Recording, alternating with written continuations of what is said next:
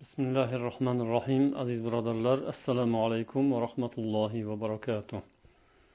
Muzaffar ismli birodar islomda ahli fitratlar haqida nima deyilgan deb so'raganlar. Bu kishi so'rayotgan narsa fitrat emas fatrat bo'lishi kerak. Fitrat boshqa narsa. Biz hozir mana shu fatrat haqida gapiramiz.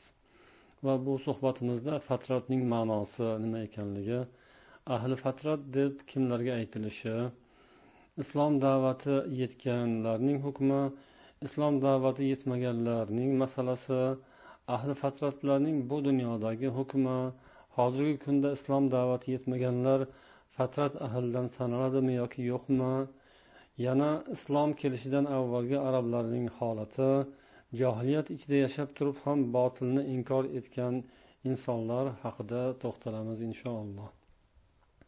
demak birinchi masala fatratning ma'nosi fatrat kalimasi allohning oyatlarida qur'oni karimda kelgan moida surasining o'n to'qqizinchi oyatida olloh aytadiki يا أهل الكتاب قد جاءكم رسولنا يبين لكم على فترة من الرسل ey ahli kitob elchilar kelmay qolgan uzoq muddatdan so'ng bizning rasulimiz sizlarga haqni bayon qilib keldi toki sizlar bizga xushxabar beruvchi va ogohlantiruvchi bironta ham kishi kelmadi demangiz mana sizlarga bashorat beruvchi va ogohlantiruvchi keldi olloh hamma ishga qodir zotdir degan mana shu oyatning tafsirida ibn kasir yozadilarki أي بعد مدة متطاولة ما بين إرساله وعيسى بن مريم إيسى مريم o'g'illari ning payg'ambar qilib yuborishlaridan keyin muhammad sollallohu alayhi vasallam payg'ambar bo'lib kelgunlariga qadar o'tgan uzoq muddat degan so'z degan ma'noni bildirishini yozganlar ya'ni fatratning tavilida yana mana shu masalada abdulloh bin abdurahmon al jibrinning al ilam bi kufri man g'ayril islam degan risolalarda ham bu masala yoritilgan. U kishi fatratning ma'nosini zaman allazi lam yub'as fihi ahadun minar rusul deb sharhlaganlar. Fatrat degani payg'ambarlardan bironta inson yuborilmagan zamon dedilar.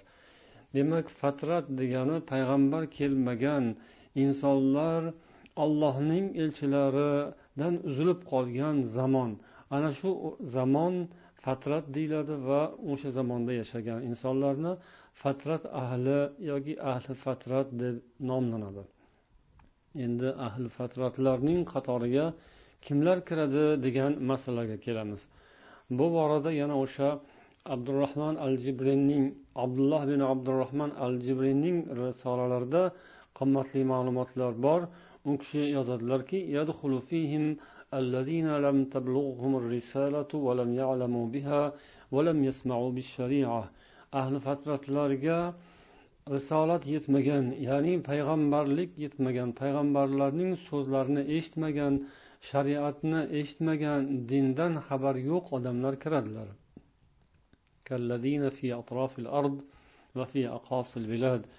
Yer yuzining atrof burchaklarida turli xil uzoq nuqtalarda yashayotgan odamlar ular din tavhid masalalaridan umuman bexabar qolib ketgan. Xabarsiz qolib ketgan insonlar bo'ladilar. Ana o'shalar ahli fatratlar bo'ladilar. Yana fatrat ahlining qatoriga ya'ni payg'ambarlik uzilib qolgan toifalar ham kiradilar. Ya'ni avvalda ularda payg'ambarlarning e, meroslari bo'lgan payg'ambarlarning ta'limotlari kitoblari bo'lgan ularning ajdodlarida. Lekin keyinroq har xil sharoitlar va sabablarga ko'ra o'sha meroslar yo'qolgan va payg'ambardan qolgan biron bir to'g'ri haq e, haqiqatni ular o'rganishga muvaffaq bo'la olmay qolganlar. Bunga misol qilib banu isroilni buxtun nasr kelib qirg'in qilgan va o'sha paytda ularning payg'ambarlardan qolgan barcha kitoblarini ham yo'q qilib yoki o'zlaridan olib ketgan. Mana shunday holatda ular avvaldagi payg'ambarlarning meroslardan butunlay uzilib qolganlar. Ular ham ahli fatratlarga kiradilar deyilgan.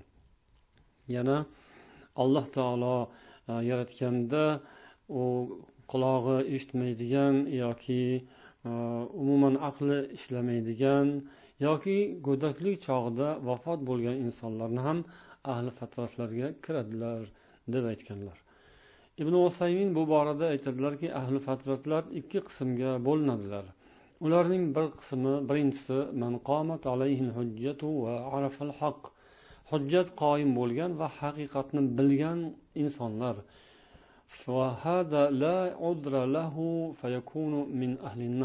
Mana bunday kimsada hech qanday uzr bo'lmaydi u do'zax ahlidan bo'ladi.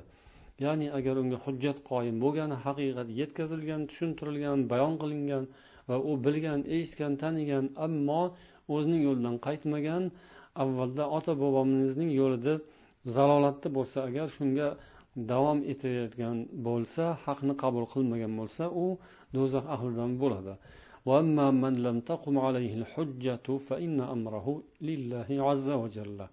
Ammo hujjat qoyim bo'lmagan bo'lsa ya'ni unga haq yo'l din yetmagan unga bayon qilib berilmagan eshitmagan u narsani tushunmagan bo'lsa buning ishi ollohga havoladir.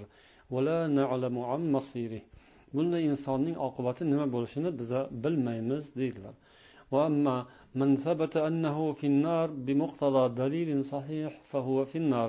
Ammo sahih dalillar bilan qaysi bir insonni do'zaxda deb aytilgan bo'lsa uni do'zaxda deb aytiladi deydilar. Islom da'vati yetganlarning hukmi haqida mm, allajnatu daimaning mana bu fatvosi e'tiborli. Bu fatvo olti ming uch yuz to'qson yettinchi raqamli fatvo. Fatvolar to'plamining o'ttiz ikkinchi mo'ljallarida keltirilgan. Bu yerda yoziladiki al muslimuna la yahkumuna ala ghayrihim bi annahum finnar illa bi shart musulmonlar o'zlaridan boshqalarga do'zax ahli deb hukm qilmaydilar ammo bir shart bilan hukm qilish mumkin. mana shu bitta shart agar vujudga kelmasa paydo bo'lgan bo'lmasa do'zax ahli deb hukm qilish mumkin emas أو بيان أو بيان معناه من دعاة الإسلام بلغة المدعوين لقول الله تعالى وأوحي إلي هذا القرآن لأنذركم به ومن بلغ o'sha shart qur'on ularga yetgan bo'lishi kerak yoki uning ma'nosi o'sha xalqning tilida ularga yetkazib berilgan bo'lishi kerak. Ana shu shartdan keyin agar ular qabul qilmagan bo'lsalar unda do'zax ahli deb aytilishi mumkin. Illo busiz ularni do'zaxga kiradi deb aytib bo'lmaydi. Chunki oyat mana bu oyat bunga dalil bo'ladi. Ya'ni anom surasining o'n to'qqizinchi oyatida payg'ambar sollallohu alayhi vasallamning tillaridan ularga shunday aytishni olloh buyurgan. Ya'ni menga mana bu qur'on vahiy qilindi. Bu bilan sizlarni ogohlantirishim uchun va mana shu qur'on yetganlarni ogohlantirishim uchun mm, deganlar payg'ambar alayhissalom. Ya'ni shu e, rasulullohning mana shunday deb aytishlariga olloh buyurgan. Mana shu oyatga ko'ra demak qur'on yetmagan islom yetmagan uning ma'nosida xabardor qilinmagan ularning tilida tushuntirib berilmagan bo'lsa u qavmni agar shunday holat o'tib ketgan bo'lsa ularni do'zaxga hukm qilib bo'lmaydi yana isro surasining o'n beshinchi oyatida deb aytadi alloh taolo biz toki biror elchi yubormagunimizcha azoblaguvchi emasmiz degan فمن بلغتهم الدعوة الإسلامية من غير المسلمين وأصر على كفره فهو من أهل النار ana shu fatvoda ana shu fatvoda yoziladiki kimgaki islom da'vati yetgan bo'lsa va u da'vatni qabul qilmasdan o'zining kufrida yana qaysarlik bilan davom etgan bo'lsa u do'zax ahlidan sanaladi endi navbatdagi masalamiz da'vat yetmagan insonlar qiyomat kuni ularning holatlari qanday bo'lishi haqida أما الذين لم تبلغهم الدعوة على وجه تقوم به الحجة عليهم فأمرهم إلى الله عز وجل da'vat yetmagan ya'ni hujjat qoyim bo'ladigan tarzda da'vat yetkazilmagan bo'lsa ya'ni hujjat qoyim qilindi hamma haq tushuntirildi bayon qilib berildi yetarli darajada loyiq lozim darajada bayon qilib berildi degan me'yor bo'lishi kerak ana shu me'yorda agar hujjat yetkazilgan bo'lmasa da'vat yetgan bo'lmasa ularning ishlari allohga havoladir deyiladi yana allajnatudoimaning fatvosida والأصح من أقوال أهل العلم في ذلك أنهم يمتحنون يوم القيامة ahli ilmlarning bu borada bir necha xil qavullar bo'lgan shularning to'g'rirog'i deyishadi bu fatvo mualliflari ana o'sha insonlar ya'ni bu dunyoda da'vat yetmagan odamlar qiyomat kunida imtihon qilinadilar ya'ni sinovga e, ro'baro qilinadilar o'shanda allohning buyruqlari ularga yetkaziladi va ular itoat qilishsa jannatga kiradilar kimki undan bosh tortsa u do'zaxga kiradi المعنى وقد أوضح هذا المعنى الحافظ ابن كثير رحمه الله في تفسيره buni mufassirlardan al hofiz ibn kasir rahimaulloh o'zlarining tafsirlarida bayon qilganlar ya'ni yuqorida o'tilgan oyat oyatining tavirida u kishi mana shu fikrni mana shu qavlni ilgari surgan. Yana allama ibn qayyim rahimaulloh ham o'zlarining tariqul hijratayn kitoblarida tabaqatul mukallafin degan bobda mana shu masalani aytganlari e, bu fatvoda zikr qilingan. Bunga dalil qilib ya'ni qiyomat kunida odamlarni imtihon qilinadimi? degan masalada ha deyiladigan bo'lsa bunga dalil allohning qalam surasidagi qirq ikkinchi oyati deyishadi. Chunki insonlar qiyomat kunida emas bu dunyoda imtihon qilinadilar bu dunyoda buyuriladilar yoki qaytariladilar. Yaxshi ishni qilib yomonlikdan qaytarilish bu dunyoda bo'ladi qiyomatda esa faqat mukofot yoki jazo bo'ladiku degan e'tirozlar bo'lishi mumkin. Ba'zi ahli ilmlar shu qovulni olishadi ya'ni qiyomat kuni imtihon qilinmaydi yo do'zax yo jannat bo'ladi deyishadi. Ammo qalam surasining qirq ikkinchi oyatida keladiki ular sajda qilishga da'vat qilinadilar unga qodir bo'la olmaydilar deyilgan. Ya'ni olloh xabar bergan kofirlarni qiyomat kunida allohga sajda qilishga barcha insoniyat qatori taklif qilinadi. Hamma insonlarga ollohni olloh o'sha yerda borligi bu dunyoda ishonmaganlar uchun ham ma'lum bo'ladi. Qiyomatda hamma ishonadi allohga. Hamma haqiqatni tushunadi biladi u yerda. Shu paytda ollohdan nido keladiki barcha ollohga sajda qilsin deb. Ana shu paytda hamma odamlar kofirlar ham bu dunyoda munofiq bo'lganlar kofir bo'lganlar mushrik bo'lganlar ham hamma hammasi allohga sajda qilishga intiladi. Lekin kofirlar sajda qilishga qodir bo'la olmaydilar. Bu dunyoda namoz o'qimagan allohga ibodat qilmagan sajda qilmagan kimsalar qiyomat kunida ey o'qish kerak ekan endi deydilar ammo unda qodir bo'la olmaydilar. Alloh ham mana o'shanda sajdaga chaqiradi bu dunyoda sajda qilganlar sajda qila oladilar ammo bu dunyoda qaddi bukilmaganlar u dunyoda ham qaddi qotib qolar ekan. Mana shundan ko'rinadiki deyishadi ulamolar qiyomat kuni ham insonlarni sajdaga ya'ni allohning amrlariga chaqiriladi. Bu insonlarni qiyomat kuni ham sinovga ro'baro qilinishiga bir dalildir. Shunga ko'ra bu dunyoda da'vat ahli e, bo'lmagan da'vat yetmagan bo'lganlar e, fatrat ahli bo'lib da'vat yetmagan bo'lganlar qiyomat kunida mana shu da'vat ularga yo'llanadi. Ular agar o'sha o'rinda qabul qilsalar u ham allohning xohishi irodasiga havola allohning hikmatiga havola. O'sha paytda kimlardir allohning izni bilan sajda qilishga muvaffaq bo'ladi ular jannatga kiradilar. Kimlardir sajda qilishga muvaffaq bo'lmaydilar ular do'zaxga kiradilar. Qiyomatdagi hukmi shunday deyishadi. Ya'ni ahli fatratlarni qiyomat kuni imtihon qilinadi. Allohning imtihonidan yaxshi o'tganlar jannatga kiradilar.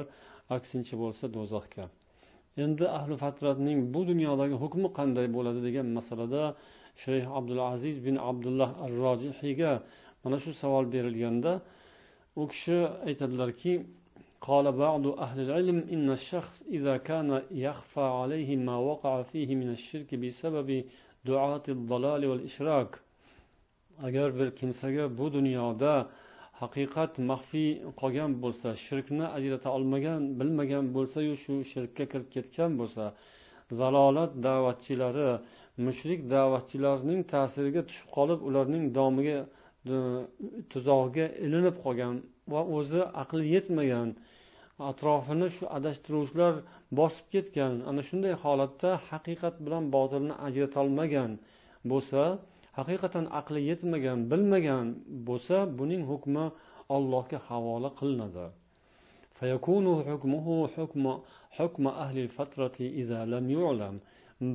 Bu insonlarning hukmi ahli fatratning hukmiga kiradi.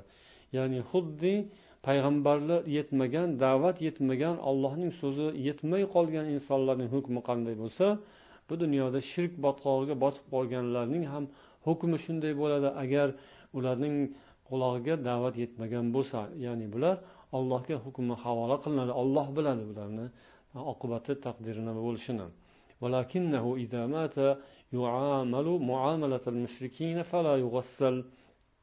Lekin ular bu dunyoda mushriklarga qilinadigan muomala qilinadi. Ya'ni ularni musulmon hisoblanmaydi ularni kofir hisoblanadi mushrik hisoblanadi. Ular vafot bo'lsa um, g'usul qildirilmaydi yuvilmaydi. Janoza o'qilmaydi musulmonlar qabristoniga ko'milmaydi. Bu dunyodagi hukm shunday. Oxiratda esa olloh biladi. Ya'ni olloh xohlasa balkim kechirar ya'ni bu insonga haqiqat yetmagan hech kim bunga tushuntirmagan tushuntiradigan odamlarning qadami yetmagan yoki ularning so'zi ularning qulog'iga yetib bormagan deb olloh o'zi biladi u yog'ini. Ammo bu dunyoda agar o'zi hamma narsani eshitgan bilgan bo'lsayu bilib turib o'zining yo'lidan qaytgisi kelmagan bo'lsa u do'zax ahlidan bo'ladi. Bu kunda hozirgi kunda islom da'vati yetmaganlar fatrat ahlidan sanaladimi degan savol ham berilgan. Shu savolga yana abdul aziz ar rojihiy bu savolga yana abdulloh bin abdurahmon al jibriyning javoblari ekan bu kishi yozadilarki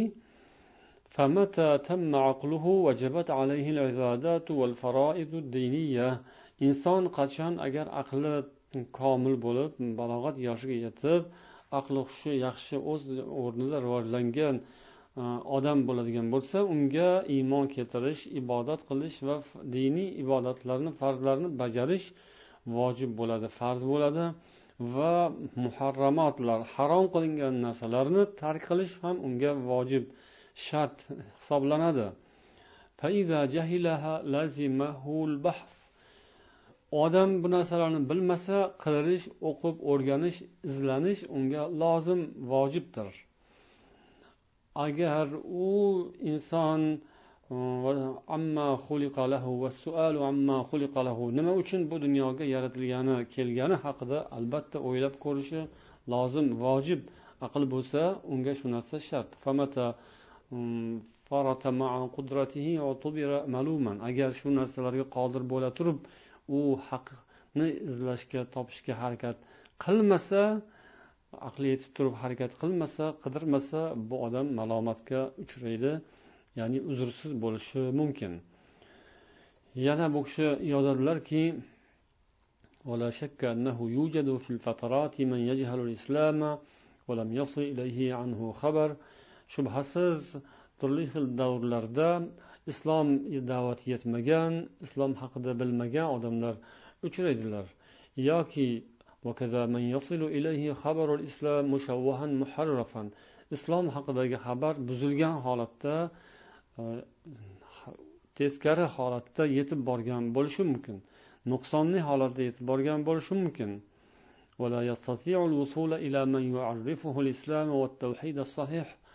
Odam islomni to'g'ri tushuntirib bera oladigan musaffo to'g'ri tavhidni unga yetkaza oladiganlarni uchratishga muvaffaq bo'la olmasligi ham mumkin.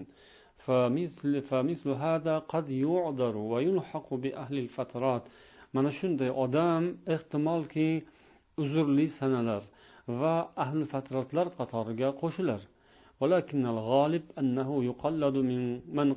Lekin ko'pincha bunday bo'lmaydi. Ya'ni g'oliban o'sha odam o'zidan avvalgilarga taqlid bilan yashaydi va harakat qiladi. Va yatbau man yasudduhu anil huda. Hidoyatdan haqiqatdan uni to'sib qo'yadiganlarga ergashaveradi. U shunday qilib o'shalar bilan azobda birga bo'ladi.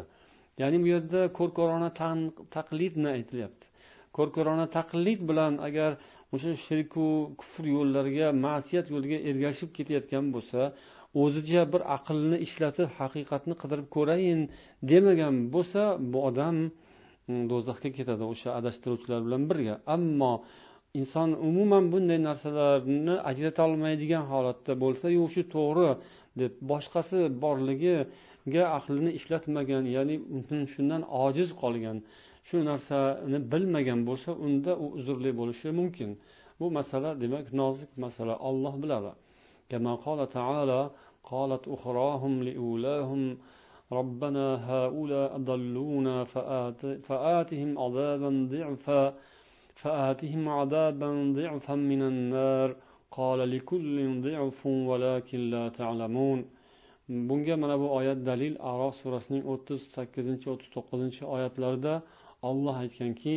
ularning oxirgilari avvalgilari haqida aytdilar ey robbimiz mana bular bizni adashtirdilar bas endi ularga do'zax olovidan ikki barobar ko'paytirib azob ber olloh dedi har biringiz uchun ikki barobar azob bor lekin sizlar bilmaysizlar Ularning avvalgilari oxirgilarga dedilar sizlarning bizdan hech qanday ortiq yeringiz yo'q bas o'zlaringizning qilmishlaringiz tufayli azob tortaveringlar mana bu oyatda alloh taolo ana shunday bu dunyoda bir birini adashtirib oxiratda do'zaxga tushadiganlar haqida xabar bergan. Oxirgilar avvalgilar deyilgan oxirgilar deganlari demak keyin keladiganlar bular ergashganlar. Avvalgilar esa bular oldingi safda yuradiganlar ergashtiruvchilar ya'ni rahbarlar o'zlarini aqlli va bilag'on qilib ko'rsatib boshqalarni o'zlariga ergashtirganlar. Ya'ni aqllarini e, ya'ni ergashganlar aqllarini ishlatmasdan ko'r ko'rona o'zlarining jilovlarini o'zlarining boshliqlariga topshirib qo'yganlar. O'shalar nima desa to'g'ri deb turaverishgan bu dunyoda. Haqni bilib turib ham o'sha boshliqlarni zo'ravonligidan qo'rqibmi yoki boshqa dunyo ilinjida nafsning ilinjida nohaq yo'lni davomida davom ettirib yuraverganlar. Shu bilan o'zlarini xursand qilganlar nafslarini dunyolari balkim shu bilan yaxshi bo'lishini o'ylaganlar va hokazo. Ammo oxiratni o'ylamagan haqiqat va botil o'rtasini o'zim ajratib ko'rayinchi ha bu zo'ravon bo'lsa ham lekin bu balkim nohaqdir degan narsaga bilib turib ham yaqin bormaganlar. Bular nafs yo'liga kirib ketgan odamlar botilga bilib turib ergashgan odamlar. Ana o'shanda insonlar bu oyatga ko'ra qiyomatga borganda o'zlarining boshliqlariga o'sha zo'ravon adashtirgan um, boshliqlar yo'lboshchilarga yopishadilar davo qiladilar. Ya'ni bu dunyoda ham o'shalarni to'sib ularning orqasidan uh, kun ko'rganlar ya'ni nafslarni xursand qilganlar a bizga boshliq aytyaptida bu endi podsho amri vojibda shuni aytgani qilish kerak deb bu dunyoda ham o'zlarini oqlaganlar. Endi xuddi shunday qiyomatga borganda ham endi ey xudoyim bular bizni adashtirdi bular bizni mana shuni rasvo qildi endi bularga azobni ko'proq qilib bergin ikki barobardan qilib bergin. Mana shular tufayli agar biz shunday bo'lgan bo'lsak deb davo qilishga boshlaydilar. Lekin olloh aytadi har biringiz uchun ikki barobardan azob bo'ladi deydi. Anavi adashtirganlar esa aytadilarki sizlarni bizdan hech qanday ortiq yeringiz yo'q. O'zingizni qilmishingiz bu endi azobni tortavering deb aytishar ekan. U adashtiruvchi rahbarlar boshliqlar yo'lboshchilar dohiylar. Bu oyatdan ko'rinadiki inson o'zining aqlini bu dunyoda ishlatib qolsin. G'animat. O'zi haq bilan botilni ajratishga harakat qilsin. uzrli bo'lar ekan deb kimdir ha bizga uzrli ekan desa o'zini o'zi aldagan bo'ladi وفي الحديث من دعا إلى ضلالة كان عليه وزرها ووزر من عمل بها لا ينقص ذلك من أوزارهم شيئا kimki bir adashtiruvchi zalolatga chaqirsa da'vat qilsa o'zining gunohi ham o'ziga va o'sha yo'lga ergashganlarning gunohi ham unga bo'ladi Ya'ni ergashganlarga beriladigan gunoh barobarida gunoh yoziladi. Ergashganlarni ham gunohlari o'zlari bilan ketadi ya'ni ular ham azobga duchor bo'ladilar. Anavi ergashtirgan ham ergashtirganlarga ko'proq azob bo'ladi. Bundan ko'rinadiki ergashganu ergashtirgan do'zaxga barobar kirib ketadi. Agar aqlni ishlatmasa bu dunyoda o'zini o'zi eplab o'zini azobdan qutqarib olmasa. كثير واضحة في أن الأتباع يعذبون مع أكابرهم. من شو دليل يعني كوب كنا دليل أجن أيدن دلالة خلادك إرغش كنلر كور كورانا إرغش كنلر وزلرنين قطلر بلان برغيالك دا أزاب دا قلدلر وتدل على أن في إمكانهم اتباع الحق اتباع الحق الذي كان موجودا بعد الأنبياء والرسل.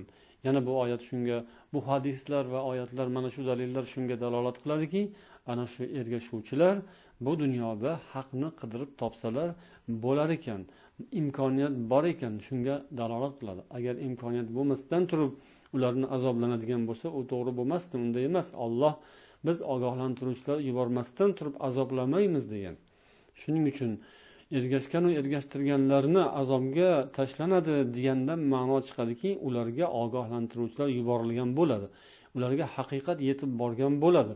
Ular shu yetgan haqni bekitgan ustini yopgan odamlarni adashtirgan ularga hiylayu makrlar bilan zulm bilan zo'ravonlik bilan nohaq yo'llarni tiqishtirgan va shu yo'lga boshlaganlar haqida gap ketyapti. Ammo bilmasdan umuman haq so'z yetib bormagan umuman dunyoga kelib ular haqiqatni eshitmagan odamlarning masalasi esa u yuqorida o'tdi. Endi islom kelishidan avvaldagi arablarning holati haqida biroz to'xtalamiz. Chunki bu mavzuga shuning ham aloqadorlik joylari bor. Ulamolar aytadilarki arablar hech bir payg'ambar kelmagan qavm emasdi yoki avvalda o'tgan payg'ambarlardan biror narsa qolmagan risolatdan umuman uzilib qolgan qavmlardan emaslarki ularni fatrat ahlidan deb sanalsa. Ularda ibrohim alayhissalom ismoil alayhissalomlardan qolgan ba'zi yodgorliklar mavjud edi va shunga ular amal qilishardi. O'zlarini ibrohim alayhissalom yo'llaridamiz deb davo qilishardi. Holbuki ichlarida shirk va kufr amallari shoyi tarqab ketgan bo'lsa ham ular masalan haj xatna kabi amallarni qilishardiki bu ishlar ibrohim alayhissalomdan qolgan ya'ni haq dindan qolgan ba'zi bir alomatlar edi. Ammo ularning ishlariga urf odatlarga shirk amallarni qo'shilishiga va ularni shirkka botib ketishlariga sabab bo'lgan ba'zi kimsalar bo'lgan aniq shaxslarni nomi tarix kitoblarida bitilgan va bu payg'ambar sollallohu alayhi vasallam hadislarida ham kelgan. Sahih buxoriyda keladi rasululloh sollallohu alayhi vasallam aytadilar al huza'iy yajurru qasabahu finnar. Men amr ibn amir ibn luhayni do'zaxda uchak chavoqlarni sudrab yurganini ko'rdim deganlar. Chunki bu inson arablarga shirkni o'rgatgan birinchi olib kelgan ibrohim alayhissalomning dinlarini birinchi bo'lib buzgan kimsa. Mana shunga ko'ra bu inson do'zaxda va bunga bilib turib ergashganlar ham do'zaxda bo'ladilar. Ibn kasir yozadilarki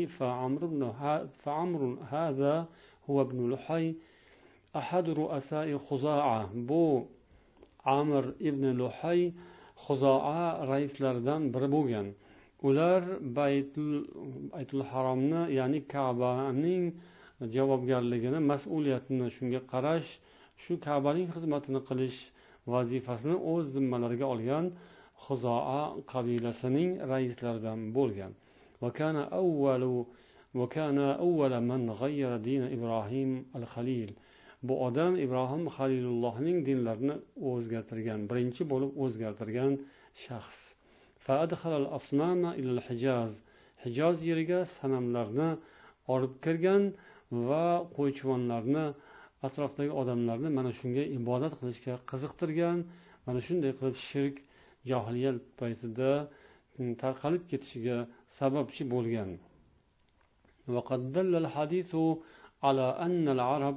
buyog'i abdulloh bin jibrinning risolalaridan وقد دل الحديث على أن العرب كانوا على ملة إبراهيم وإسماعيل demak bu hadis shunga dalolat qiladiki ibrohim va ismoil alayhissalomlarning dinlarida bo'lishgan arablar undan keyin esa oradan ma'lum bir vaqt o'tgandan keyin sanamlarga ibodat qilish tarqalib ketgan.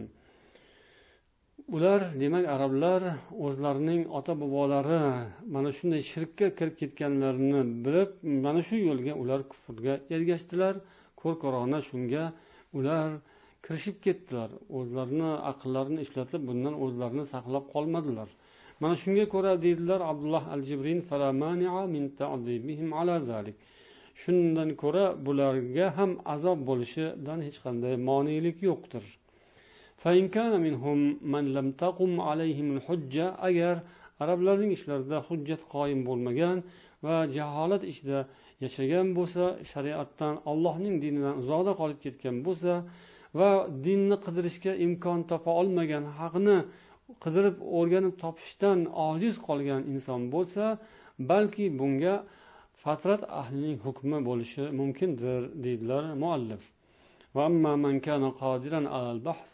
وقد أعطاه عقلا وإدراكا وعنده آثار وبقايا من دين إبراهيم وإسماعيل ammo qaysi bir insonki o'sha paytda yashagan insonlar haqida ya'ni agar izlanishga qidirishga o'rganishga so'rab surishtirishga qodir bo'lgan bo'lsa alloh unga aql idrok bergan bo'lsa shu bilan bir qatorda ibrohim va ismoil alayhissalomlarning mm, dinlaridan qolgan asarlar yodgorliklar bo'la turib yana ollohdan boshqaga ibodat qilishda davom etgan bo'lsa va bu o'sha paytda ollohni yagona yaratuvchi ekanligini ham tan olgan shu odamlar mana shunday bo'la turib yana butlarga sig'ingan bo'ladigan bo'lsa demak bularni ahlu nor deb jazm qilishga hech qanday monelik yo'qdir chunki alloh taolo bu haqda mulk surasida ham bayon qilganki وقالوا لو كنا نسمع أو نعقل ما كنا في أصحاب السعير ya'ni do'zax ahli ulardan nima uchun bu holga tushdingiz deb so'ralganda javob berishadiki ular dedilar agar biz quloq solgan va aqlimizni ishlatgan bo'lganimizda sayr ahlidan bo'lmas edik deyishadi. Ya'ni agar biz da'vatchilarga quloq solgan haqiqatni qidirgan unga quloq solgan va aqlimizni ishlatgan bo'lganimizda edi jahannam ahlidan bo'lmas edik deyishadi. Mana shunga ko'ra johiliyat davrida yashab aqlni ishlatmagan haqiqatni qidirmagan insonlar azobga duchor bo'ladilar. Biz mana hozir arablarning islom arafasidagi holatlari haqida gapiryapmiz. O'sha paytdagi arablar demak fatrat ahli qatoriga qo'shilmaydilar deb aytishgan ulamolar.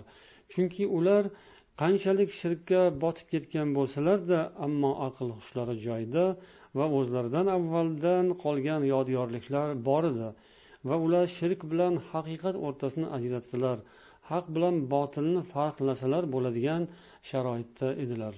Mana shu o'rinda johiliyat ichida yashab turib ham botilni inkor etgan odamlar o'sha paytda mavjud bo'lganlari haqida ham xabarlar bor. Ya'ni o'sha paytdagi johiliyat arablari ichida haqni tushungan bilgan shuning uchun ham botil narsalarni inkor etgan shirkni ochiq oydin inkor etgan kufrni rad etgan haq taologa bog'langan va ollohni dini bor deb qidirgan insonlar bo'lishgan.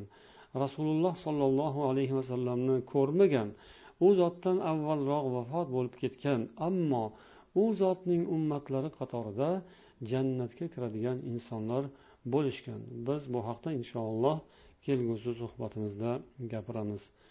Vassalomu alaykum va rahmatullohi va barakatuh.